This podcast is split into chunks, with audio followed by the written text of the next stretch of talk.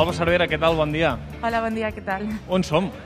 Ara estem a la seu del Barcelona Supercomputing Center i estem davant del superordinador Mare Nostrum 4.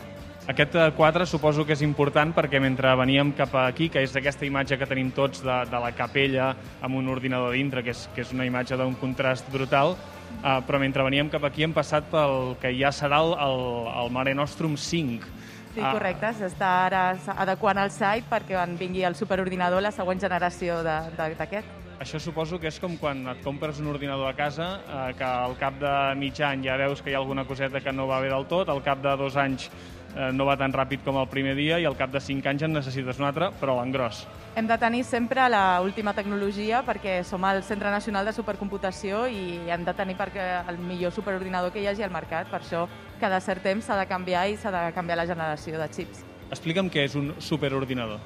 En realitat són petits ordinadors que estan tots connectats en paral·lel i funcionen tots junts per poder tenir molta més potència de càlcul que la que tindria un ordinador normal i solet. Has dit potència de càlcul, això té a veure amb la utilitat d'aquest eh, superordinador. Què, què feu amb aquest? No sé si he de dir màquina o màquines. Aquí al, al BCC fem moltíssima recerca i també té molta aplicació industrial. Penseu que aquests superordinadors serveixen per fer simulacions molt, molt costoses i això té moltes aplicacions, des de simular processos biològics, com pot ser un cor o pot ser una part del cos, a eh, resoldre problemes d'optimització d'on he de col·locar els meus eh, molins de vent per treure el màxim rendiment. Per tots aquest tipus de, de problemes es necessita una capacitat de càlcul molt, molt potent i per això utilitzem aquests superordinadors. Estàs parlant d'aplicacions molt pràctiques, no? Perquè al final un molí de, de vent no és una cosa superteòrica d'uns uh, científics, és un tema que ens arriba a, als nostres endolls a, a casa. Per tant, entenc que tot això té una aplicació pràctica molt important.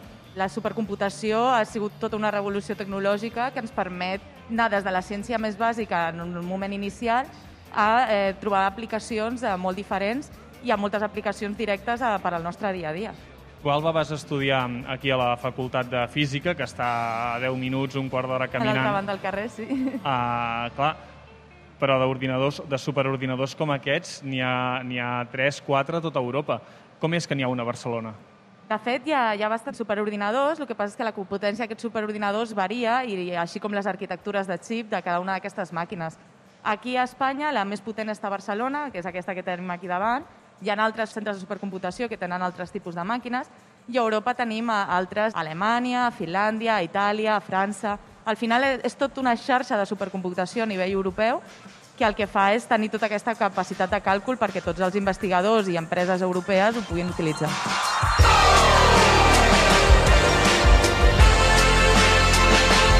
Quan parles de superordinador, el que ens estàs dient és com un ordinador a l'engròs. I ja ens explicaves que esteu construint ja el superordinador 5, el Mare Nostrum 5. Però paral·lelament tu estàs portant tot un altre projecte que és el de l'ordinador quàntic. Què és un ordinador quàntic? Aquest projecte, eh, com has dit, va en paral·lel amb els projectes de supercomputació i el que volem és tenir una nova arquitectura que en lloc de ser una arquitectura clàssica o tradicional serà quàntica. Llavors, el que nosaltres instal·larem aquí serà un ordinador quàntic basat en tecnologia que es coneix com a superconductors i és una tecnologia totalment diferent a la que estem veient aquí davant en aquest superordinador. Un ordinador quàntic el que utilitza són les propietats de, dels sistemes que són molt, molt petits, que es governen per la física quàntica, per processar la informació i fer càlculs. Així, a grosso modo, en lloc de tenir els bits tradicionals, que són zeros i uns, el que tenim són els bits quàntics, que es coneixen com a cúbits, que són també zeros i uns o una mescla entre el 0 i l'1, el que es coneix com una superposició. I aquest tipus de, de propietats, i altres que, que també venen eh, lligades amb, amb la física quàntica, fa que la informació es processi d'una manera totalment diferent a la que estem nosaltres acostumats amb, amb computació tradicional. Quan et vas adonar tu que la teva vocació era això que per al 99% dels nostres oients ara mateix deu ser absolutament eh, incomprensible? Jo la veritat és que ho vaig descobrir sobre la marxa, perquè estem parlant d'una tecnologia molt, molt emergent, existeix des dels anys 80 i sobretot als 90 va ser quan va tenir la seva expansió, però tot era a nivell teòric, a nivell experimental no... De fet, hi havia escepticisme de si seríem capaços de fabricar aquestes màquines. En els últims anys la cosa s'ha extès molt més perquè ja s'ha demostrat que efectivament podem construir aquestes màquines i els prototips ja, ja en tenim molts i cada cop són més grans i més sofisticats. Llavors, jo quan vaig començar física, jo vaig fer física perquè m'agradava la, la, el cosmos, les estrelles, els forats negres, aquest tipus de coses, i ens segueixen agradant, de fet. I va ser just eh, durant la carrera que hi havia una assignatura que es deia Teoria de la Informació Clàssica i Quàntica. I a mi això em va cridar molt l'atenció i per això em vaig apuntar i a partir d'aquí doncs, vaig anar tirant del fil i, i aquí estic. Els diumenges al suplement tenim una secció amb el Joan Anton Català, que és un divulgador científic que ens ajuda a entendre eh, coses que sobre el paper a vegades eh, no acabem de saber com van. I justament la setmana passada ens parlava de la física quàntica, que les coses no necessàriament són o blancs o negres, sinó que poden ser blanc, negre o tot el que hi hagi mm, Correcte. entremig. Entenc que un cop pugueu controlar aquesta tecnologia, aquest superordinador que tenim aquí al davant quedarà eh, com ara si agafes un iPhone dels primers i el compares amb el telèfon que tens ara, que no, no té res a veure. No necessàriament, perquè al final són tecnologies molt diferents i de fet són complementàries. Molts algoritmes quàntics d'avui en dia que s'estan estudiant necessiten de la computació tradicional per fer parts d'aquest algoritme. Per tant, moltes vegades treballen junts, no treballen en competència. I, a més, depenent del problema que vulguem resoldre, no sempre haurem d'utilitzar la mateixa màquina. De la mateixa manera que no tenim un superordinador en el mòbil perquè no ens cal per enviar un, un correu, tampoc necessitarem segurament un ordinador quàntic per fer tasques que un ordinador tradicional ja fa perfectament. Per tant, es tracta de desenvolupar una altra arquitectura de xip, una altra tecnologia, que ens ajudi a aquells problemes concrets que els superordinadors no poden resoldre o gasten molta energia resolent per intentar-ho fer amb computació quàntica, que és diferent. Posa'm algun exemple. Quin és el càlcul que aquest superordinador que tenim aquí al davant no pot fer i que, en canvi, un ordinador quàntic podria resoldre? Un exemple que s'utilitza molt és el de factoritzar números, que així sembla com una cosa molt abstracta, però es basa tota la criptografia d'avui en dia en aquest fet. Factoritzar vol dir que si jo et dono un número, per exemple el 15, tu m'has de dir que 3 per 5, que són els dos números primers, multiplicats donen 15. Quan jo et dono un número molt, molt, molt, molt gran, tardes molta estona, i un ordinador tradicional també, en treure quins són els factors que multiplicats donen aquest número. Això és el que s'utilitza avui en dia per encriptar i tota la criptografia moderna. Un ordinador quàntic existeix un algoritme que és teòric, que es coneix com a algoritme de, de, de Shor, que és capaç de fer aquesta factorització amb un temps molt més eficient que un ordinador tradicional. Per tant, si nosaltres tinguéssim un ordinador quàntic suficientment gran, tècnicament podríem trencar aquesta criptografia. Dit això, estem molt lluny de tenir aquest tipus d'ordinadors, es necessita unes característiques molt concretes i molts cúbits d'aquests que he mencionat abans, però això ja et dona un, una idea de com la computació quàntica pot fer coses que són ineficients, eficients. Qui t'hagi escoltat atentament ha detectat la paraula encriptar i desencriptar. I potser se li ha encès la llumeta. Espera't, que el telèfon, quan envio un WhatsApp, quan envio un missatge, em diu que està encriptat punt a punt. Estem parlant d'això, eh? Sí, estem parlant de l'encriptació a nivell molt general. Òbviament, els protocols d'encriptació són molt més sofisticats, però es basen en l'últim moment en què factoritzar dos números és exponencialment difícil per a un ordinador tradicional. És una manera d'exemplificar fins a quin punt la computació quàntica és potent i problemes que nosaltres pensàvem que no tenien solucions o que la solució era exponencialment difícil, ho deixen de ser si tenim en compte aquestes propietats exòtiques, diguem, de la, de la mecànica quàntica. Potser algú que no pensi en termes de WhatsApp, eh, aquesta conversa que estem tenint el porta a la màquina Enigma i a la Segona Guerra Mundial, que en el seu moment era una màquina que servia per enviar missatges xifrats i era pràcticament impenetrable i de cop algú va trencar el codi. Ens estàs explicant que també es podran trencar els codis d'encriptació. Llavors, això és una autèntica revolució. Ho és, i eh, insisteixo, no serà demà ni serà d'aquí a pocs anys, segurament tardarem molts anys en tenir un computador quàntic capaç de fer aquest tipus de tasca, però també l'important és, això és un exemple de fins a quin punt la computació quàntica canvia les regles del joc. Però d'aquí a que tinguem aquest superordinador, aquest ordinador quàntic del futur, hi ha moltes altres aplicacions que la, que la quàntica també pot, eh, pot influenciar. I la més clara és la de simulació de, de sistemes. I de sistemes vol dir de molècules, vol dir de medicaments, vol dir de processos d'optimització que són molt costosos, etc etc. Hi ha moltíssimes aplicacions d'avui en dia on la computació quàntica pot fer un salt important en resoldre aquests problemes. I encara que encara no tinguem aquests eh, ordinadors quàntics tan potents o suficientment grans, s'ha de començar per, alguna, per algun punt. I és per això que nosaltres pensem que s'ha d'apostar o ara o mai per controlar aquesta tecnologia, per saber com funciona, per quan arribi aquest ordinador quàntic potent, sapiguem utilitzar-lo i tinguem llestes totes les aplicacions.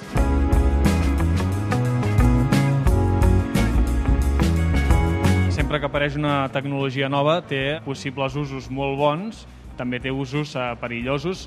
Eh, els ordinadors quàntics ara mateix qui els està desenvolupant? Universitats centres de recerca com vosaltres aquí o, per exemple, grans potències militars? Hi ha una bastant component geopolítica amb tot això, i és que els ordinadors quàntics inicialment es van començar a desenvolupar a les universitats com a ciència bàsica, perquè, com t'he dit abans, hi havia molta gent que no es creia que siguessin capaços de desenvolupar una tecnologia així de puntera.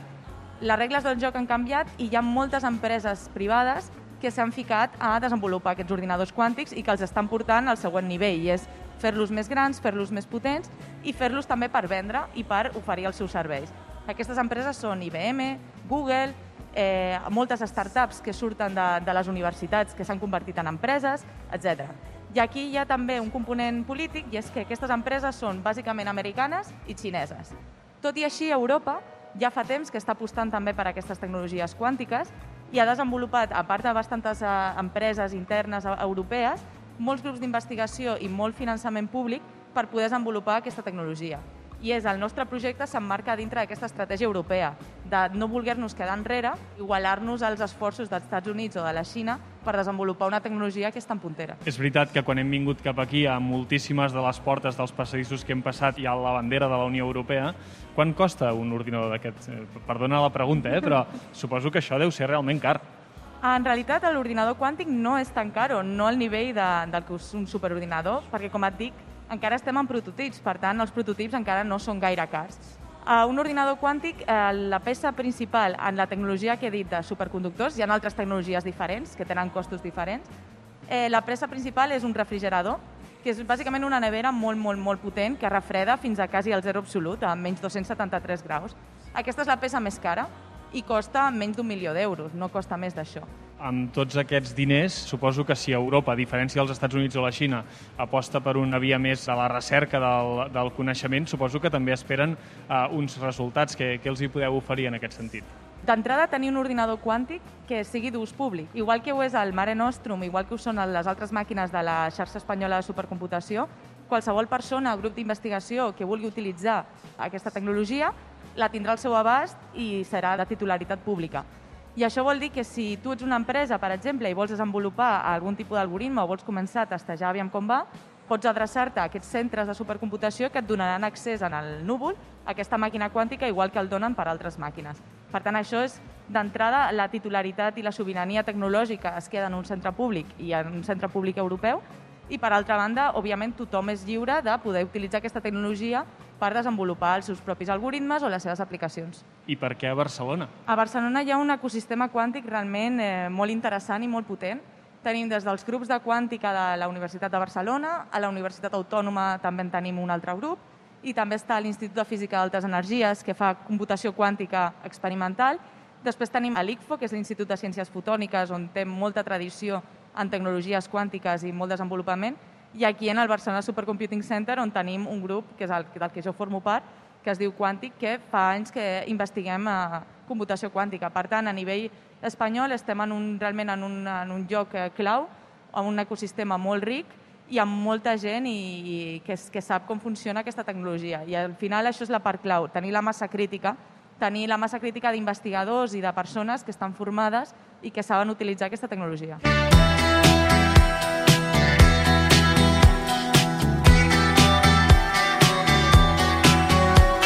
Clar, jo miro aquesta màquina, comparo a vegades si obro Netflix o si miro alguna sèrie. No sé si això s'assembla més a Big Bang Theory o seria Matrix. Jo diria una mescla de les dues coses. Tenim la física de Big Bang Theory i tenim els zeros i els uns de, de Matrix. De, de què parleu vosaltres? Quan, quan feu la pausa per dinar amb, amb el teu grup, de què parleu? Oh, de moltes coses. Som gent normal i ens agrada tot. Ens agrada el Netflix, ens, ana, ens agrada sortir de festa amb els amics, ens agrada llegir, ens agrada fer totes les coses. No som gent diferent. Tu ets una persona molt jove, ets una dona, no sé quins són els teus referents, però segurament quan la gent pensa en físics, pensa en, en, eh, la història de la física, la informàtica, s'imagina homes grans amb barba i els cabells blancs o en l'altre, si m'ho deixes dir, una mica uns friquis que només els interessa la maquineta. Quins són els teus referents per arribar fins aquí?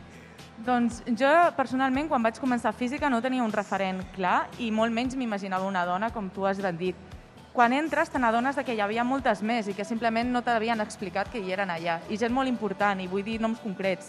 Tenim a Lice Weidner, per exemple, que va ser una de les físiques més importants que se li va negar el Premi Nobel i va ser la descobridora de la fissió nuclear. Eh, tenim després, en les ciències de la computació, tenim totes les dones que es van dedicar a fer tots els càlculs per portar l'home a la Lluna, per exemple. I aquí tenim a Grace Hooper, per exemple, una americana que va fer dels primers compiladors que encara s'utilitzen avui en dia. Tenim la Margaret Hamilton, que també va ser una de les pioneres en computació que va fer tot el sistema d'errors de, per a, perquè l'home pogués arribar a la Lluna sense, sense París i tenim a moltes més. Per tant, hem d'anar més enllà de Marie Curie, que també va ser un referent molt, molt, molt clar. Hi ha moltes dones i una cosa molt important és trencar aquest estereotip de que som uns friquis o que som gent estranya, etc, perquè no és cert, òbviament, som gent normal i corrent, igual que qualsevol altra, i aquest tipus d'estereotips, des del meu punt de vista, fa que molta gent potser no vulgui anar-se en aquest tipus de carreres, i en concret dones, perquè puguin ser tractats com un gent estranya o gent una mica que no vulguis tenir relació, quan és totalment tot el contrari. Aquí som gent molt normal i que tenim moltes eh, aptituds i ens agrada molt fer totes les coses igual que, que la resta de gent. No sé si de tant en tant tornes a la, a la facultat on tu vas estudiar inicialment la carrera de física, eh, perquè suposo que per ells tenir algú com tu amb la teva edat, crec que tens 30 i pocs anys. 30 eh, justos. 30 justos eh, treballant aquí. Home, eh, els noms que m'has dit són molt importants i són història de la ciència. No sé si t'imagines algun dia el teu nom inscrit a darrere de tots aquests. Em conformo en poder ajudar qualsevol estudiant que li interessi aquesta tecnologia com a mostra de que efectivament són persones molt agradables amb les que treballar i ens ho passem molt bé amb el que fem. I per altra banda, com per ensenyar que efectivament qualsevol persona pot desenvolupar eh, tecnologia puntera, som tots un equip i que, i que al final el que necessitem és, són molts perfils i molta diversitat per poder portar a, això a bon terme. Si ara agafés el teu expedient de la universitat, eh, quedaria allò que caus de cul a terra o és un expedient normal que després eh, la vida et porta aquí? Eh... El meu expedient és supermediocre, jo diria fins i tot. O sigui, jo vaig acabar física no amb excel·lents, ni molt menys. Va ser una carrera difícil, em va costar, igual que a, a molta gent, i el meu expedient era molt, molt normal. De fet, amb el meu expedient jo no podia accedir a les típiques beques d'excel·lència que hi havia, que eren super... Bueno, i encara són, malauradament, molt poques i molt, molt, molt selectives. Jo vaig tenir la gran sort de trobar-me amb un tutor que em va donar l'oportunitat, jo a mi m'interessava molt i volia fer el doctorat, i em va donar l'oportunitat, em, va, em va deixar treballar amb ell, i gràcies a això jo ja després m'he anat guanyant que efectivament sabia fer aquestes coses i m'agradaven i se'm donaven bé. Una història, per tant, d'esforç, de molt esforç, evidentment també de talent, perquè sense una combinació no arribes aquí. I una mica de sort, també. Una mica de sort. De trobar-te amb les persones ah, correctes. I m'han dit que t'he de preguntar què és el model d'Easing. El model d'Easing potser m'ho preguntes perquè vaig guanyar un premi internacional i això va ser el que em va donar bastanta visibilitat a, a nivell internacional, eh, que va ser precisament simulant aquest model amb uns dels ordinadors d'IBM i em van donar un premi per això. I aquest model d'Easing al final és el que es coneix com un model joguina i és un model que explica el magnetisme, com funciona el magnetisme. És un model que és des dels anys 20 i és el que han utilitzat els físics de sempre per veure com funcionen la, la, bueno, els imants i des d'un punt de vista clàssic i tradicional i ara també des d'un punt de vista quàntic. Jo, la, la meva feina amb el model d'Ising va ser simular-la en un ordinador quàntic, era un prototip, eren coses molt, molt senzilles, però el que exemplificava és que aquests ordinadors quàntics, una de les seves aplicacions és efectivament simular processos quàntics, que aquests processos quàntics alhora es relacionen amb propietats de la matèria com, eh, com el, el magnetisme, per exemple. Has parlat d'un premi internacional, abans parlaves de finançament eh, europeu. Barcelona i Catalunya i Espanya no tenen una gran fama com a lloc on, pugui, on poder desenvolupar una carrera eh, científica. Tu has hagut de marxar eh, també a l'estranger. Per fer ciència, si ets nascut aquí, eh, has de tard o d'hora marxar segur? El tema de marxar, d'entrada, bueno, sí, jo ho recomanaria, és, és el que cal. Per altra banda, el, el problema de marxar no és tant el marxar, que jo crec que pot ser una experiència bona i, i jo ho vaig fer perquè em, em venia de gust, sinó el poder tornar. Si jo marxo, em formo i vull tornar al meu país on, eh, i aportar els coneixements que, que he après, he de tenir l'oportunitat de com a mínim fer-ho. O si la meva situació eh, decideix que millor em quedo a aquest país però soc molt bona igualment, per què no em puc quedar? I aquest és el problema que, que hi ha a, a nivell de, la, de tot l'Estat, que és molt difícil tornar i el, el, és molt complicat seguir amb la teva recerca. Fins i tot, encara que tinguis la gran sort de, tenir, de trobar una posició i de tenir el teu grup d'investigació, aconseguir finançament per portar, a, per portar els teus projectes és extremadament complicat i, molt, i et treu moltíssimes hores d'administratives en lloc d'haver-te dedicat a, a la docència i a la de, i a la investigació. Sou molts els que feu recerca i que parleu d'això, de, de, de tot el temps que dediqueu a la, a la part administrativa, Correcte, a, a, buscar, sí. a buscar finançament. Clar, mentre esteu fent això, no esteu fent el que, el que és realment important, no? No només la investigació, sinó que a més ens treu temps de ser mentors dels nostres estudiants, que al final no, hi ha gent que no pot acceptar més estudiants, no només perquè no tingui finançament, sinó perquè potser no té el temps necessari per dedicar-li i per poder mm, acompanyar-los durant tota la seva, durant la, el seu doctorat, per exemple. Tu ara ja et veus quedant aquí una bona colla d'anys? Home, o... a mi m'agradaria, de, de fet per això vaig tornar a la meva ciutat, és quedar-me aquí, fer la meva carrera aquí, si, si ho puc portar a terme, espero que sigui possible. D'entrada, durant la duració d'aquest projecte de Quantum Spain, aquí em tindreu.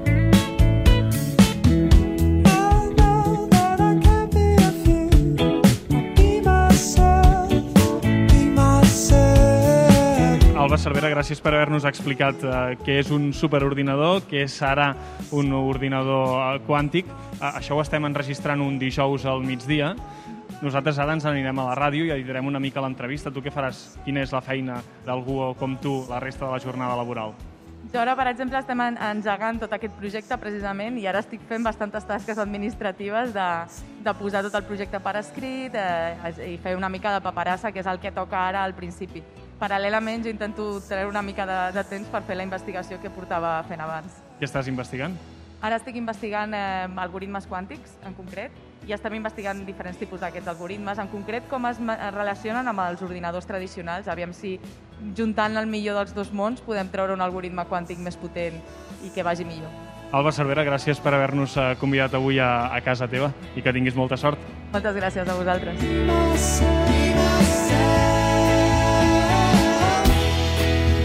El suplement, amb Joan Bota.